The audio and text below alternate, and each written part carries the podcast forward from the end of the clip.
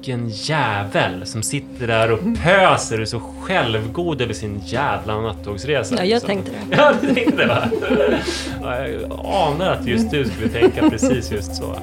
Jag bokade en flygresa direkt. Klart du gjorde. Klimatpodden. Bara i Bryssel så har ExxonMobil 220 lobbyister. De lägger miljoner kronor på att påverka och att fördröja. Förut så kanske det var så att jag pratade med mina barn om klimatet, men nu är det ju väldigt ofta de som pratar med mig om klimatet och som ställer krav. Hej och välkomna till premiäravsnittet av Våra Barns Klimatpodden. Jag heter Manne Forsberg och du heter Frida. Berätta vad det är för podd och vem du är. Ja, men eh, jag är, eh, heter Frida och är tvåbarnsmamma, bor i Älta utanför Stockholm. Till vardags så eh, är jag frilansande klimatkonsult, jobbar mycket med kommunikation. Så är jag också med och driver den här organisationen som heter Våra Barns Klimat, som också är namnet på den här podden. Eh, och jag är också grundare till Our Kids Climate, som är en internationell föräldraklimatplattform. Eh, och jag har också skrivit en bok på det här temat, just att hur pratar vi med barn om den här frågan? Eh, både som föräldrar och hur kan vi göra det hemma, men också kanske de som har med barn att göra, till exempel lärare och pedagoger. Hur kan vi prata om den här frågan på ett sätt som inte skrämmer barn, utan snarare skapar hopp och engagemang och en känsla av att vuxna faktiskt gör saker för klimatet. Älta fastnar vi. Det låter alltid så härligt när man säger att man bor i Älta, ligger utanför Stockholm. Det känns lite grann som att man säger att man bor i Samarkand eller någonting. Men det är lite mysigt i Ja, Älta. det är det. Ja. Är är det, är det så, fint när, så fin närmiljö så att du därför engagerar dig för klimatet, eller hur började du med det? Jag tror att det är lite lättare, för det är så grönt och fint överallt. Ja, just det. Ja, jag tror det. Ja. Eh, Okej, och eh, men du liksom jobbar med klimatet, då måste ju pressen på dig vara helt enorm att vara perfekt klimatmässigt, eller? Och det är lätt för dig för att du är välunderrättad. Eh, det är inte lätt. Det är inte så mycket lättare för mig, tror jag, än för andra. Men däremot för att andra vet att jag jobbar med klimat så får jag ofta höra att folk biktar sig lite för mig. Eller de ursäktar sig lite gällande sitt eget beteende. Just det. Jag håller på med löpning, där biktar sig folk- mer så här, ja, jag, jag springer inte så mycket jag borde. Alltså jag förstår principen. Men vad är det värsta som du gör ofta? Klimatmässigt. Eh, jag tror att jag gör ganska mycket, kanske 75% bra och 25% går åt helvete till Vänta, vardags. 75 bra och 25, det är en ganska stor del som går åt helvete då. Mm, ja, men det är det ju. Det, jag tror att det är klassiska föräldraproblematiken. Man försöker äta vegetariskt. Jag står och blandar ihop eh, mamma Scans med vegetariska köttbullar i stekpannan och barnen då delar upp dem i två högar direkt och äter bara mamma Scans. Men det är annars en, en pragmatisk lösning som passar bra in i den här podden. Vår tanke är väl lite grann att det, ingen kommer kunna, inte ens du, kan göra bara bra miljöval. Men man kanske inte behöver ge upp bara för att man inte kommer lyckas hela vägen. Utan man kanske kan göra eh, sju då av tio bra val istället för att göra noll. Ja, men precis. Och kanske vara lite stolt över dem också. De grejerna man gör bra.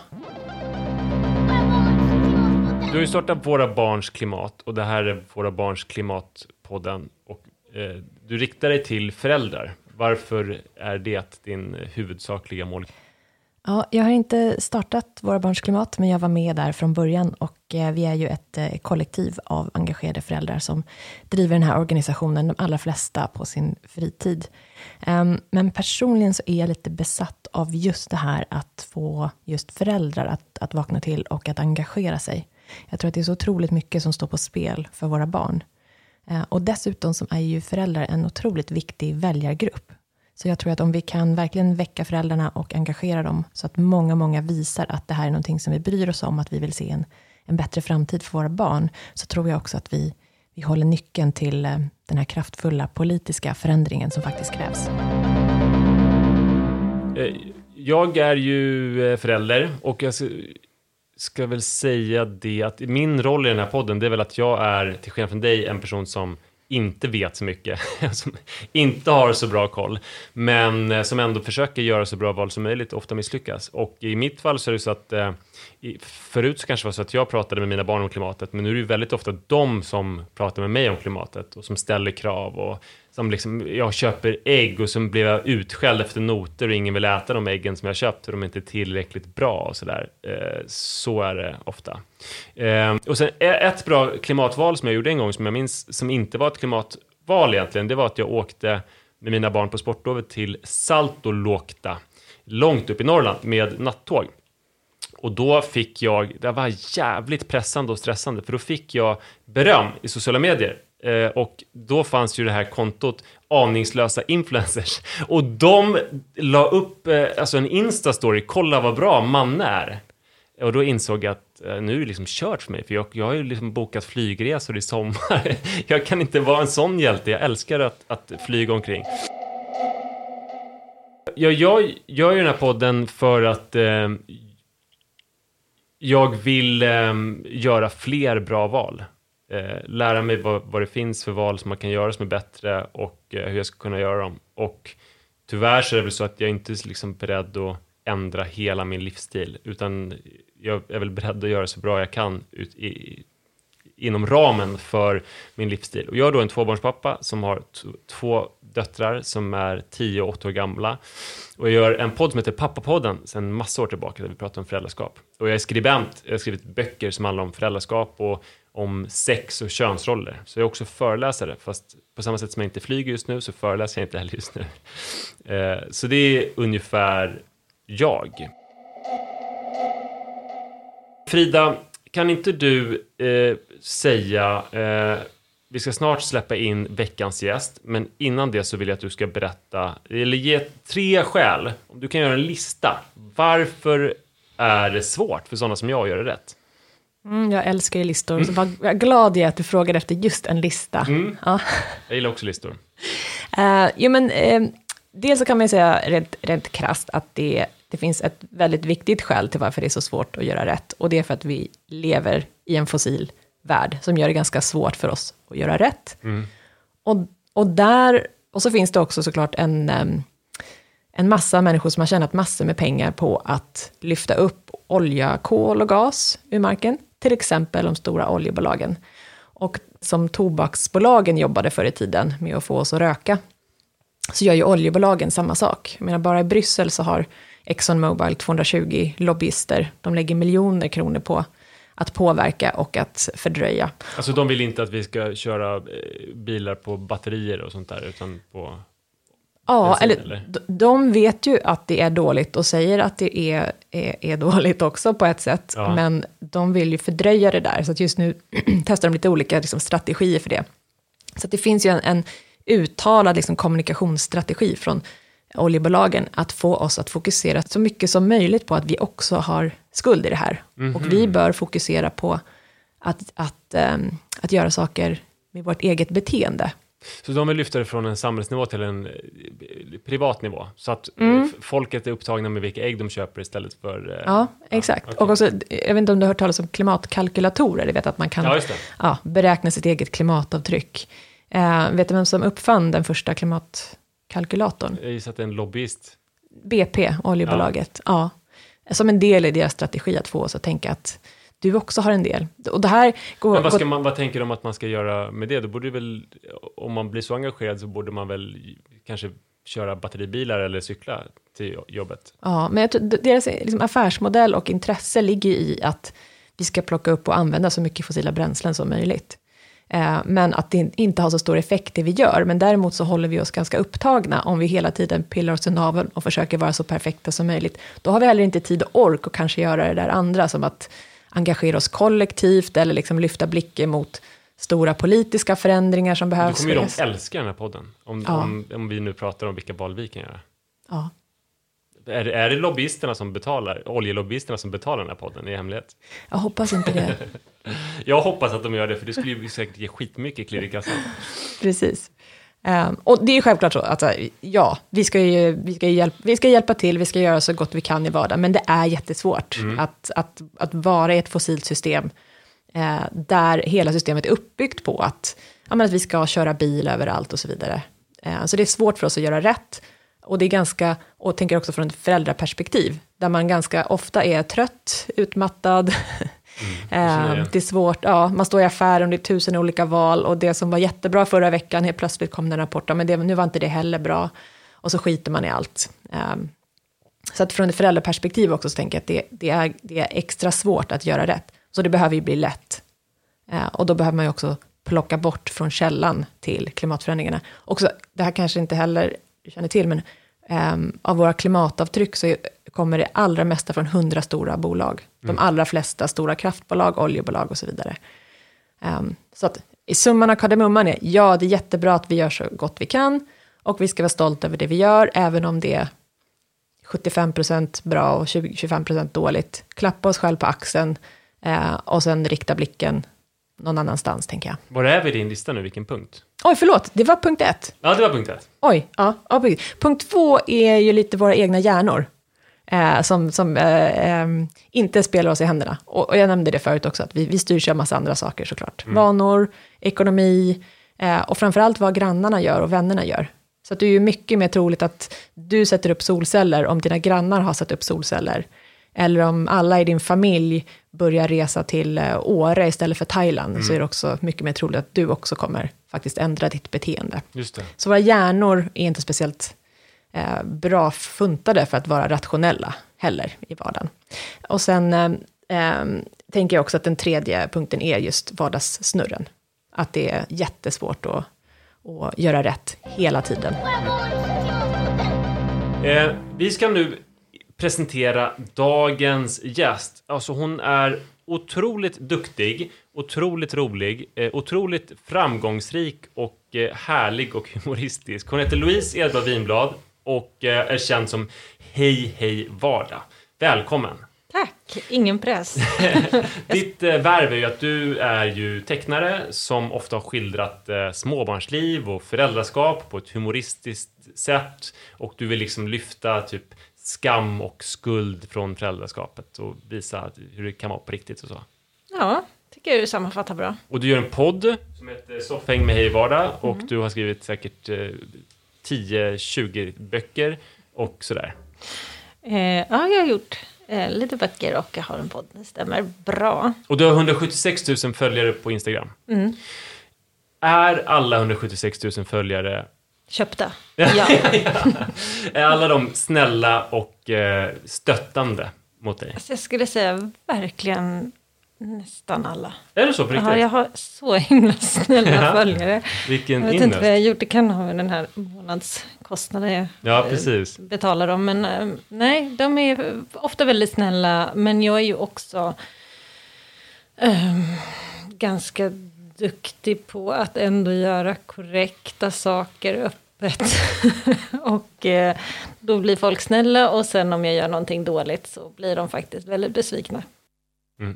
Jag minns, eh, jag började tänka på hur klimatet för klimatengagerade i sociala medier är när Kitty Jutbring, hon och jag bloggade på Mamma samtidigt, jag jobbade lite med henne. Hon, hon, jag minns att hon fick så jävla mycket skit hela tiden.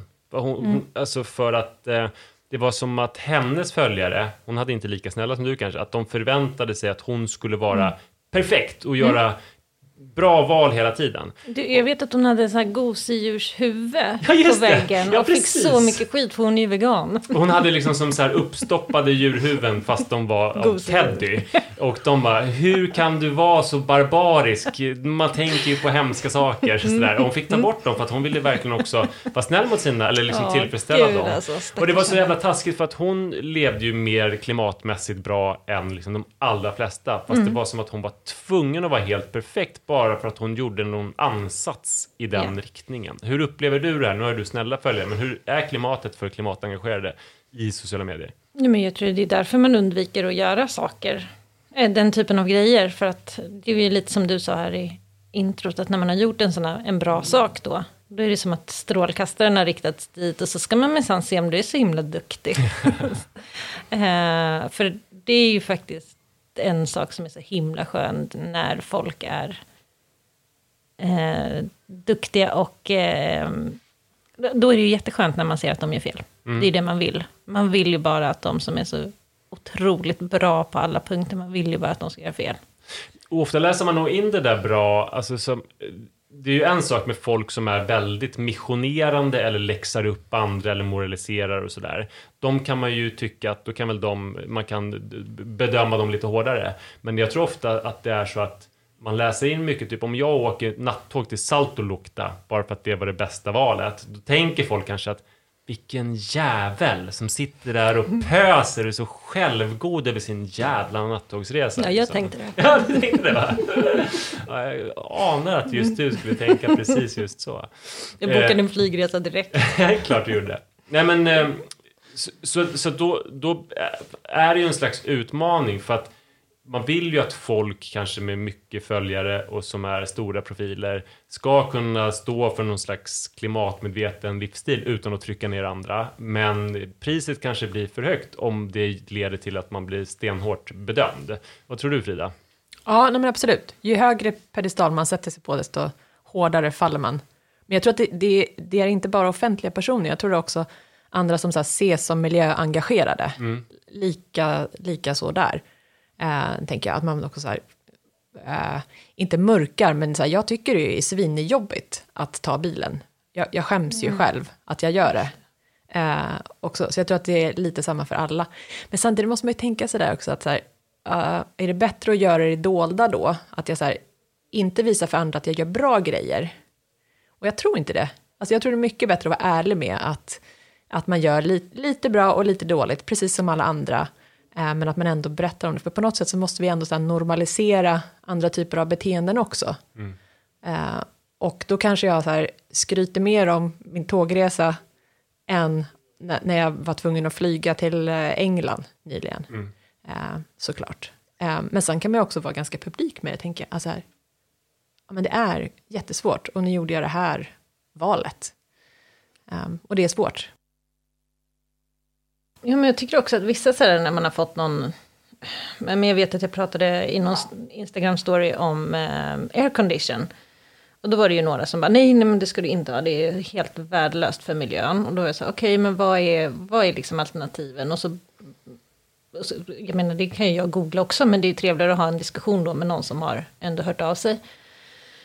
Och började komma med alternativ och så medan hon låg och pratade så bara, ja, jag fattar att det här är ju en jättegrej och det här kanske inte heller blir jättebra. Alltså det blev liksom snarare då att vi pratade om, ja okej, men vad skulle kunna vara ett mellanting då? Att det blev liksom lite mer en diskussion än att hon skulle säga så här, det här är, vilket kanske några andra gjorde, men så här, det här är helt värdelöst, gör inte det, eh, jag har inget bra alternativ. Alltså då blev jag så här, men kan vi istället så här, för min, nu ser det ut så att mina barn blir kokta sommartid.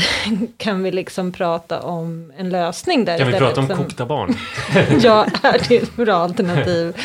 Eh, och så, ja, men att det, det, är det, jag, det är det jag alltid vill ha i mina kanaler och med, i, i dialog med följare är ju nyanserna.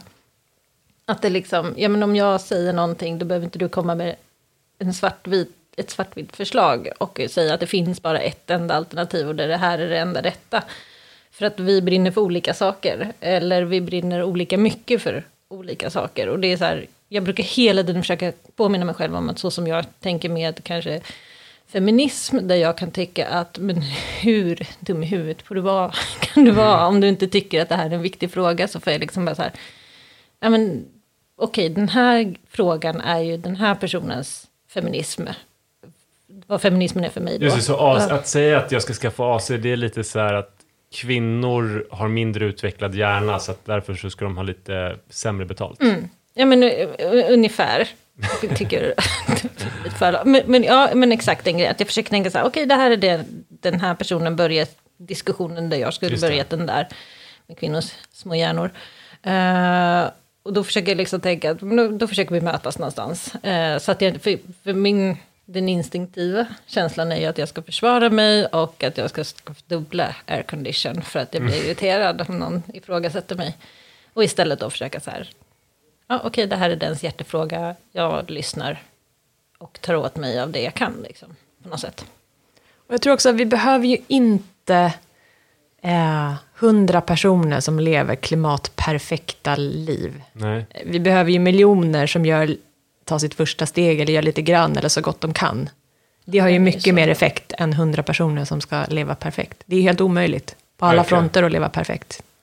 Men Louise, blir du liksom som en hemlig miljöhjälte? Att du inte kan visa dina bra miljöval för att då skulle du bli en sån här miljöperson som bedöms stenhårt hela tiden? Nej, men jag gör sätter upp solpaneler i smyg, täcker över Men pressen. gud, det skulle jag ju skylta med såklart. alltså, jag skulle vara så nöjd om jag var så duktig. Ehm, nej, men jag gör de här eh, som för mig har blivit enkla val. Att jag skippar kött, men kom inte och rör min ost. Mm. Typ på den nivån. Ehm, nej, jag, jag, jag, jag skryter nog allt vad jag kan, för jag tycker att jag absolut inte är skrytmaterial när det kommer till klimat, tyvärr. Så jag... eh, Det finns ingen risk. Varför är du inte det? Vad gör du som är dåligt? Ja, men vi har en jättestor bil som går med bensin. Ehm, ja, men det här tycker jag också faktiskt är en viktig sak. Vi har sådana här diskussioner hemma och vi är ju faktiskt två stycken vuxna. Eh, och då är jag eh, kvinnan som är dessutom lite halvt offentlig. Jag tänker jättemycket på dels eh, så samvetsgrejer som jag, jag traditionellt tänker att kvinnor är mer så, sorry Manne. Men eh, kvinnor känns som att de har mer det helhetstänket och miljötänket och bryr sig Jag mer. ursäkt, jag köper det till 100%. Mm. Alltså. Eh, och eh, och då, det har jag då med mig, plus att jag faktiskt, som jag såg som jobbigt förut, men som jag tänker är ganska bra, är att jag känner att jag har lite ögon på mig, vilket betyder att jag måste faktiskt tänka igenom saker lite extra. Eh, men sen så lever jag ju i en familj och eh, vi, vi prioriterar kanske ibland olika. Nu säger jag inte att min man alltid vill göra sämre, sämre saker än vad jag vill. Han har liksom andra prioriteringar. Men, eh, men bara det också, att man, man får ta in fler saker i, i diskussionerna. Det är det som är så bra med en sån, med en sån här podd då, att det faktiskt kan få vara lite nyanserat. Jag tyckte det lät superhärligt att bara så här, ja men gud vad skönt, vi kan väl prata om att man gör så gott man kan. Eh, och ibland gör man inte ens det, men vad kan man göra som känns enkelt? Och vad kan man några gånger spurta liksom? Och göra någonting lite mindre enkelt. Jag, jag tänkte bara plocka upp det där med så här papporna och miljön. Jag tycker det är lite intressant. Hur känner du inför det här? Jag, jag Vem- rodnar direkt när du Ja, är det lite så? Av, av skam. för mig själv och för mina medpappor. Är, är papporna sämre på att bry sig om miljön? Super liksom, eh, engagerade pappor, men generellt så, så är väl, det känns som, eh, alltså jag måste säga det, att det finns ju individer, pappor, som är otroligt engagerade och som kör sina lådcyklar, även när det är sidovind på Västerbron och sådär. Det har jag ju sett, jag har sprungit förbi dem. Eh, de verkar ha det jobbigt. Eh, men, eh, men, men generellt sett så tror jag pappor engagerar sig mycket mindre. I Jag har både- kört förbi dem med bil. Och tutat. Men de, pappor engagerar sig mindre i föräldraskap, i jämställdhetsfrågor och i miljöfrågor, tror jag. Så, och jag, jag tänker mig att den här podden kommer ju ha, utan att veta det, så känns det ju på förhand som att det kommer vara 75% kvinnor som kommer lyssna. Ehm, och eh, Vad har du för statistik på ditt eh, Instagramkonto? Vet du det? Ja, det är väl ungefär så. 70 procent kvinnor kanske. Och 30 procent män. Våra barns klimat är det också så. Och vi har, eh, jag tror 80%, över 80% kvinnor på Instagram. Ja. Nej, och det är så, jag vet inte riktigt, eh, och jag märkte ju det när jag tittade på, alltså med föräldraskap, så var jag inne på, eh, vad hette det här eh, största föräldraforumet? Eh, Familjeliv. Familjeliv, precis. Jag inne och kollade där på, de flesta trådar domineras ju av kvinnor som skriver, sen finns det i och för sig enstaka män som kommer in ibland, men så fanns det också så specifika pappatrådar som någon så här pappadel av familjeliv, där trådarna hette Whisky är gött. eh, och så här, Xbox eller Playstation. Eh, och typ väldigt många om vilken familjebil man skulle ha. Så här. Jag vill inte ha en kombi, det är töntigt, måste man ha det om man för att få in en vagn? Så här. Det var liksom det, det var det som engagerade män mest. Så att det kändes ju eh, mörkt. Familjelivet. Ja, men jag tycker det är det som är så spännande ändå med föräldraskap, att det händer massa saker med en. Det finns ju vissa tidpunkter i livet när man är mer benägen att förändra sig. Eh, när man blir förälder är ju definitivt en sån, massor med saker ändras då, ens vanor och inköpslistor och inte minst emotionellt och allt möjligt. Eh, och när man flyttar hemifrån i en annan sån tidpunkt eller när man pensionerar sig. De där tidpunkterna tycker jag är ganska fascinerande, för då kan man också komma in med liksom andra typer av tänk och förändra sig ganska mycket. Men eh, för att ta dig tillbaka till eh, sociala medier och klimat, Louise. Eh, eh vad tror du är eh, mest engagerande, föräldraskap eller klimat? Ehm, jag skulle tro föräldraskap. Klimat är så mycket eh, dåligt samvete, tänker jag just nu. Så det är så här, ja men det blir den där. Ska jag börja engagera mig så måste jag engagera mig jättemycket och det har jag inte tid med. Nej. Och eh, vi har fått reda på att di- dina följare störs inte så mycket på dig klimatmässigt om du inte vill installera en AC.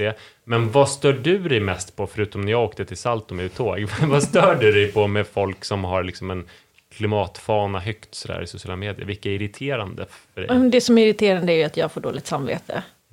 Det är ju det. Är, det- är ju det. det är, när jag ser att någon säger, ja men gud, när den har köpt bara begagnade kläder i flera år. Tygblöjor. Ja. Eh, Ja men, nej, men, ja, men tygblöjor är så extremt. det, är liksom, det känns som att nästan till och med Eller de här superduktiga. Eh, tygblöjor, handen upp. Ja, jag hade det som förslag, men min man bara, nej, aldrig i livet. Han är lite mer äckelmagad Men också än Louise, jag har ju faktiskt köpt eh, begagnade kläder av dig. Ja, min min mans skalbyxor. Ja, Ja, men titta. ja visst. Då blev du, du, du sålde dem för att tjäna pengar och du var irriterad på Frida för att hon var så liksom, duktig. Ja, men, men okej. Nej, men det, det är ju det mest irriterande. Ja. Ehm, och, och, och liksom sådana här saker som man också, åh, det där skulle jag kunna göra ganska lätt, men jag gör inte det. Ehm, ja. Men finns det någon som är objektivt irriterande då? Alltså som är bara liksom Ja, jag tycker när det inte mästrande, finns- Ja, när det inte finns förståelse. När, det är, när, när folk lägger upp den här, och jag kan fatta att man hamnar där. Men när folk eh, är så här, jag förstår inte hur man kan göra si eller så. Eller hur kan man göra de här valen. Eller som sådana här konton som bara eh, är där för att skamma influencers. Det blir också så här, ja men det är väl typiskt Mm. Eller uppmuntra i mitt fall, de gillade ju mig väldigt mycket. Ja, eh, men det var ju inte det var ju dessutom man, så det var ju typiskt att de uppmärksammade dig då, när Mm. du gjorde något bra. Annars är ju influencers oftast kvinnor och då är det extra härligt att trycka ner dem. Um, men sådana saker tycker jag är så här, jag, eh, det är just det kontot som du pratade om var ju sådär eh, bra på ett sätt, för jag gick runt och skämdes och gjorde säkert om en del val efter det. Eh, men också det är ju inte ett vinnande koncept att jobba med skam. Du Alltså var då, kanske mer då rädd än liksom positivt engagerad. ja, och det finns väl någon sån här undersökning, men det, är- man ska väl köra så mycket positivt eh, som möjligt, så vill folk förändra. Samtidigt som jag är otroligt driven av att inte behöva skämmas och att inte behöva må dåligt för saker, så jag har lite svårt att se att, eller det ger ju effekt också. Men jag tror också så här, i hela föräldraskapet så ligger det så mycket skuld hela tiden. Att man känner alltid att man aldrig gör nog och man finns inte där nog och man är inte närvarande nog och ja, man gör inte massa saker nog. Och sen så kommer så miljöskulden på det också. Så jag tror att det kan bli extra jobbigt. Och, mer. och forskning visar ju också att skuld och skam är inte bra sätt att motivera folk att förändra beteenden långsiktigt. Nej. Det kan förändra kortsiktigt, men, men eh, det skickar också igång massa liksom försvarsmekanismer. Att så här, ja, men jag tänker fortsätta göra det här, bara det att jag tänker inte berätta om det. Men det, det, exakt. Nej, men det där har man ju hört om under den eran med aningslösa influencers, att, att det var faktiskt folk som började flyga i hemlighet. Eller liksom att man vanligtvis kanske hade delat saker i sociala medier, men att man inte la upp saker. Va? Va? Louise, berätta. Nej men absolut, jag mörkar flygresa. Du, ja, och, och det var då som en konsekvens Nej, men då kunde, man ju kontot, också, eller? då kunde man ju också dra den här, eh, för då var det så här, "Ja, men, eh, först var det så här, men flyg inte, alla är dumma i huvudet som flyger. Och sen så var det så här, ja men om du nu ska flyga, håll inte på att lägga upp saker om det då, så att det Mm. just får det. andra att bli lockade. Jag bara, mm, det var det jag gjorde, jag gjorde någonting bra. Jag mörkade det för alla andras skull, så att ingen skulle bli lockad att flyga för att jag flög. För du vill inte vara en flyginfluencer. Men för liksom. egentligen vill jag ju inte ha skäll. Nej, det var ju nej, bara det det handlade om. Men jag kunde motivera det på det sättet. Var det Eh, jobbigt när du tog så här skitfina bilder kanske på någon strand eller i någon fin eh, gränd? Nej, det var inte- lite jobbigt när någon skickade ett DM och frågade var du på det här hotellet? För jag tror jag såg dig. Jag bara, va? Absolut inte. Hur många gånger gjorde du såna här mörkningar? En. Men En. sen blev jag ju gravid och då kunde jag inte flyga. Och, så det var jättesmart. Och jag tror också så här att många känner på ett sätt, det är jättehemskt att vi är i en pandemi, men det har ju på något sätt också tagit bort det där valet. Ja. Någon annan har gjort det där valet åt en. Mm. Och det kan jag tycka så här, det är ganska skönt. Och då måste alla göra likadant. Här, För det, det går inte att göra det. Så här, nej, Men för det är lite det jag har varit så här, kan, inte, kan man inte bara reglera saker mer uppifrån? För det blir så jävla mycket att lägga på ehm, individen hela tiden. Att du, du, måste, du, du har alla de här valen som, du, som är lockande och som är härliga och som liksom tilltalar så mycket eh, av det du vill göra. Liksom. Och, och sen så finns det den här, det här lilla tråkvalet då. Om man istället breddade det och gjorde det svårare att göra de här dåliga valen. Alltså det är ju det. Fast en, underlätta lite istället. Jag tänker så här, generellt i, i eh, livet att man måste typ, man måste vara hårdare mot sig själv i alla fall än man är mot andra. Ma- Mm, den är bra. Man kan ju vara liksom kritisk mot sig själv och sitt eget klimathandlande. Men, men det är ju konstigt att hålla på liksom så här, eh, undersöka någon annan och kritisera den och vara upptagen av typ hur någon på Instagram eh, beter sig. Att den inte har solceller på sitt Ja, men det är det jag menar med när det blir den här lilla bubblan också. Jag är med någon sån här eh, klimatgrupp på Facebook. Och där folk blir ju riktigt, riktigt upprörda när till exempel Santa Maria gjorde om sina eh, burkar. För de tyckte att det blev mer plast i dem. Alltså det var ett helt inlägg och jätte, jättearg. Eh, och jag vet inte ens om det var mer plast på dem. Men, men det är så här, och då kan jag känna så här, oh, är det den här diskussionen vi ska ha? Men för dem är det ju verkligen helt obegripligt hur man kan göra ett sånt val när man gör om sina produkter. Men jag tänker, är det inte jättebekvämt för oljebolagen som sitter och så här gnider händerna när vi så här späker oss själva, skickar skuld och skam åt alla i alla riktningar och, och, och liksom gräver ner oss i Santa Marias plastlock. Det är väl jättebekvämt, tänker jag. Jag Bra. tänker ofta på såna här eh, eh, asrika män som åker privat, eller bara liksom som är hyfsat asrika och åker runt och, bo, eh, och är i sån här eh, lounge, flygplanslounger som är jättelyxiga och kanske sitter i Singapore och dricker någon så här drink som ingick på flygbiljetten och sånt där. Att, eh, att eh, de, behöver, de tänker kanske inte på sånt. Och sen så går folk så här på ICA och har råångest. Att då är det någonting skevt. Jag har en kompis som har berättat att han, han har ganska ont om pengar. Och att han tycker att det är så upprörande att han, när han ska handla och så ska han göra köttfärssås. Då finns det svinbillig irländsk köttfärs i storpack för 50 kronor kilot. Och så finns det någon svensk bättre köttfärs för kanske 129 kronor kilot. Och han menar liksom hur, hur skulle jag kunna välja den svenska när liksom den irländska kostar hälften så mycket? Och så finns det folk som har råd att välja den svenska och som slår sig på bröstet för det. Men de kanske också flyger supermycket för att de har råd och för att de har en helt annan ekonomi än vad han har. Och att han menar att han, han kan ju inte ställas till svars för att eh, han eh, inte är ekonomiskt stark nog att välja det, det dyrare och bättre alternativet. Och jag tror hela den konsumtionsprylen är ju väldigt mycket så här en medelklass eh, problematik. Alltså, man, man kan ju också se att de som är mest miljöengagerade är kanske, om man hårdrar då, lite så här högutbildade kanske, så. Eh, de har ju lika höga klimatavtryck som de som inte bryr sig alls, de som säger att de inte bryr sig. Eh, och de som faktiskt har de lägsta klimatavtrycken, det är ju kanske de som inte känner sig miljöengagerade, men av ekonomiska skäl inte flyger. När man inte har råd och man, som sagt, man måste köpa det billigaste på Li- Lidl. Liksom. Ja, jag tänker att det är ju, alltså så är det ju med allting. Det tänkte jag på när vi flyttade till hus och plötsligt hade plats att så här, källsortera mycket tydligare och kunde göra de helt liksom, andra valen.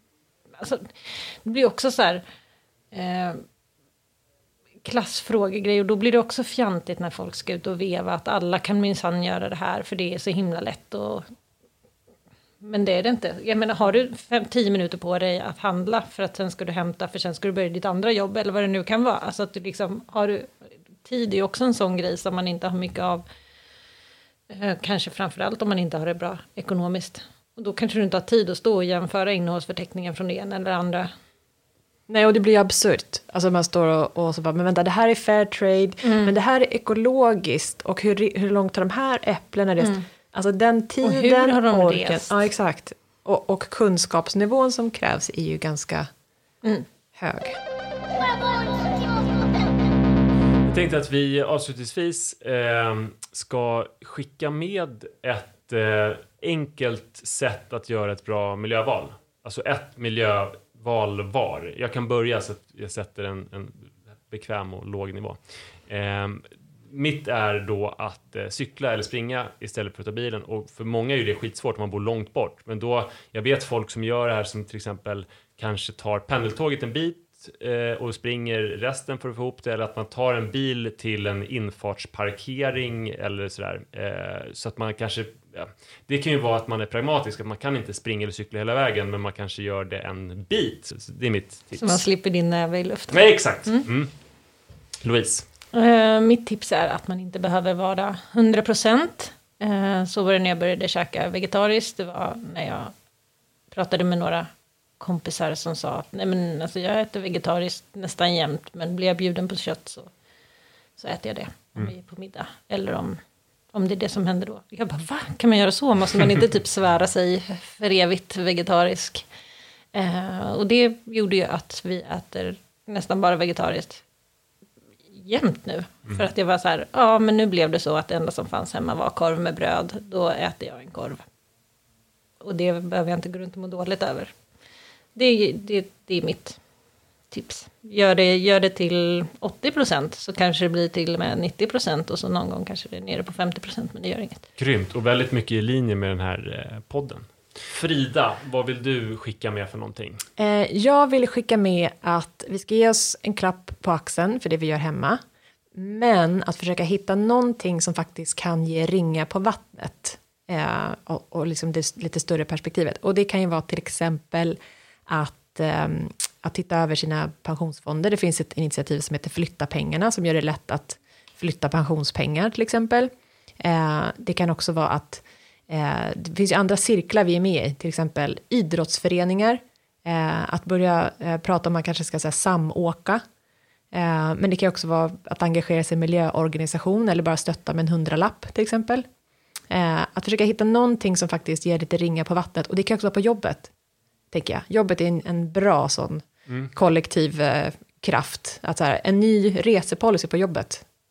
Gå ihop med några personer och titta vad finns det att göra. Välj en sak och gör den med typ tre kompisar. Superbra. Eh, sen har vi också dagens hopp. Frida, du hittade ett fint exempel på någonting Ja, hoppfullt. det här tycker jag var så himla fint, också utifrån ett föräldraperspektiv.